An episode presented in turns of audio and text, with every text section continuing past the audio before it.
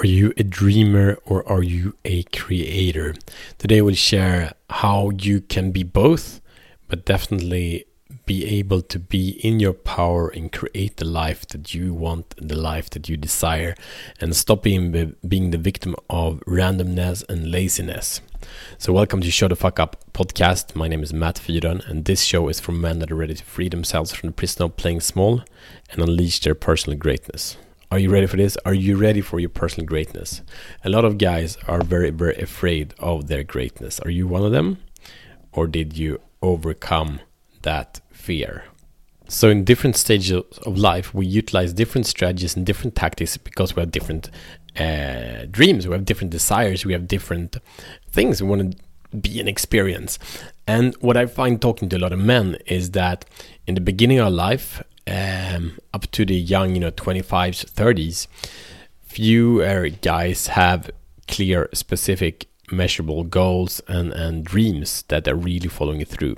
Some have it, and usually then it's in the area of business, it's in the area of finance, maybe in the area of health and body, but not in all the other areas of life. So they're the usually the the goals of of these young guys usually have to do with the more surface kind of things. And it's natural, it's nothing strange, it's nothing weird.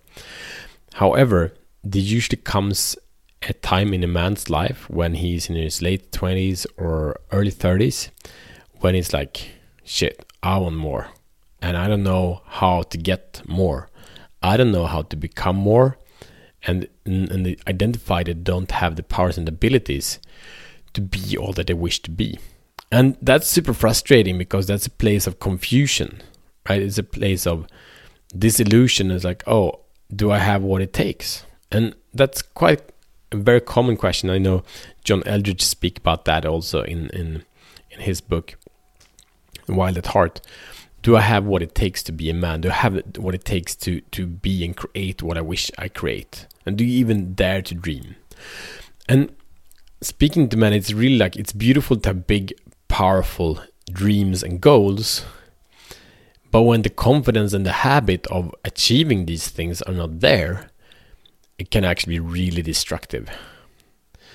And the issue is a man that starts searching usually end up speaking to people or hearing about people that have great goals, great ambitions that live far, far, far beyond where the man is at, at the moment.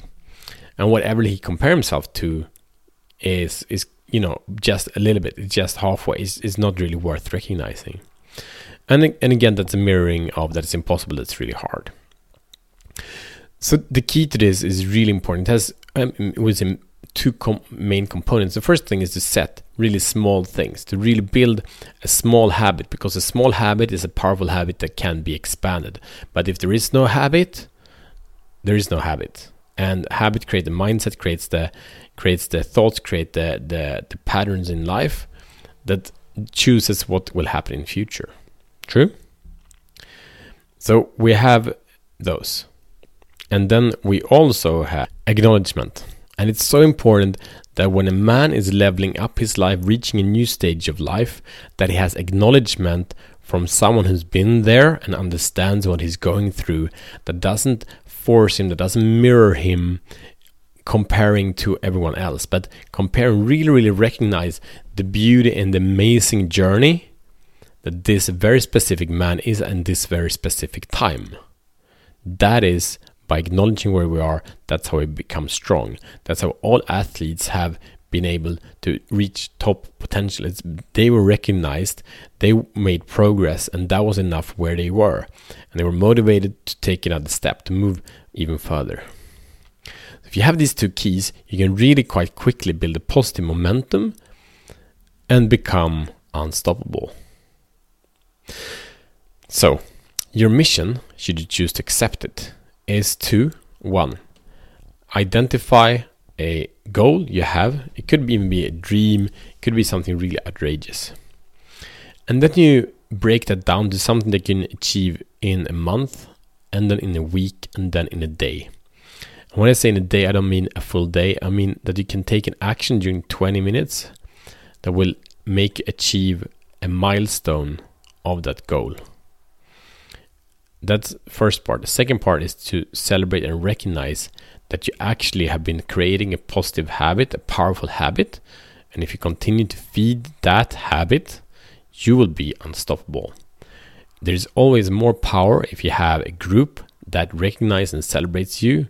If you have a coach like me that supports you in the process and helps you get, you know, the right goals at the right time zone, that's powerful. But you can still make these two steps and make it really, really intense for yourself. Share this episode with a man who's ready to level up, ready to show the fuck up and free himself from the prison of playing small.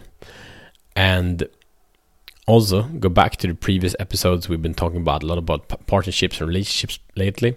So please go back and enjoy those conversations. And I see you tomorrow as better men.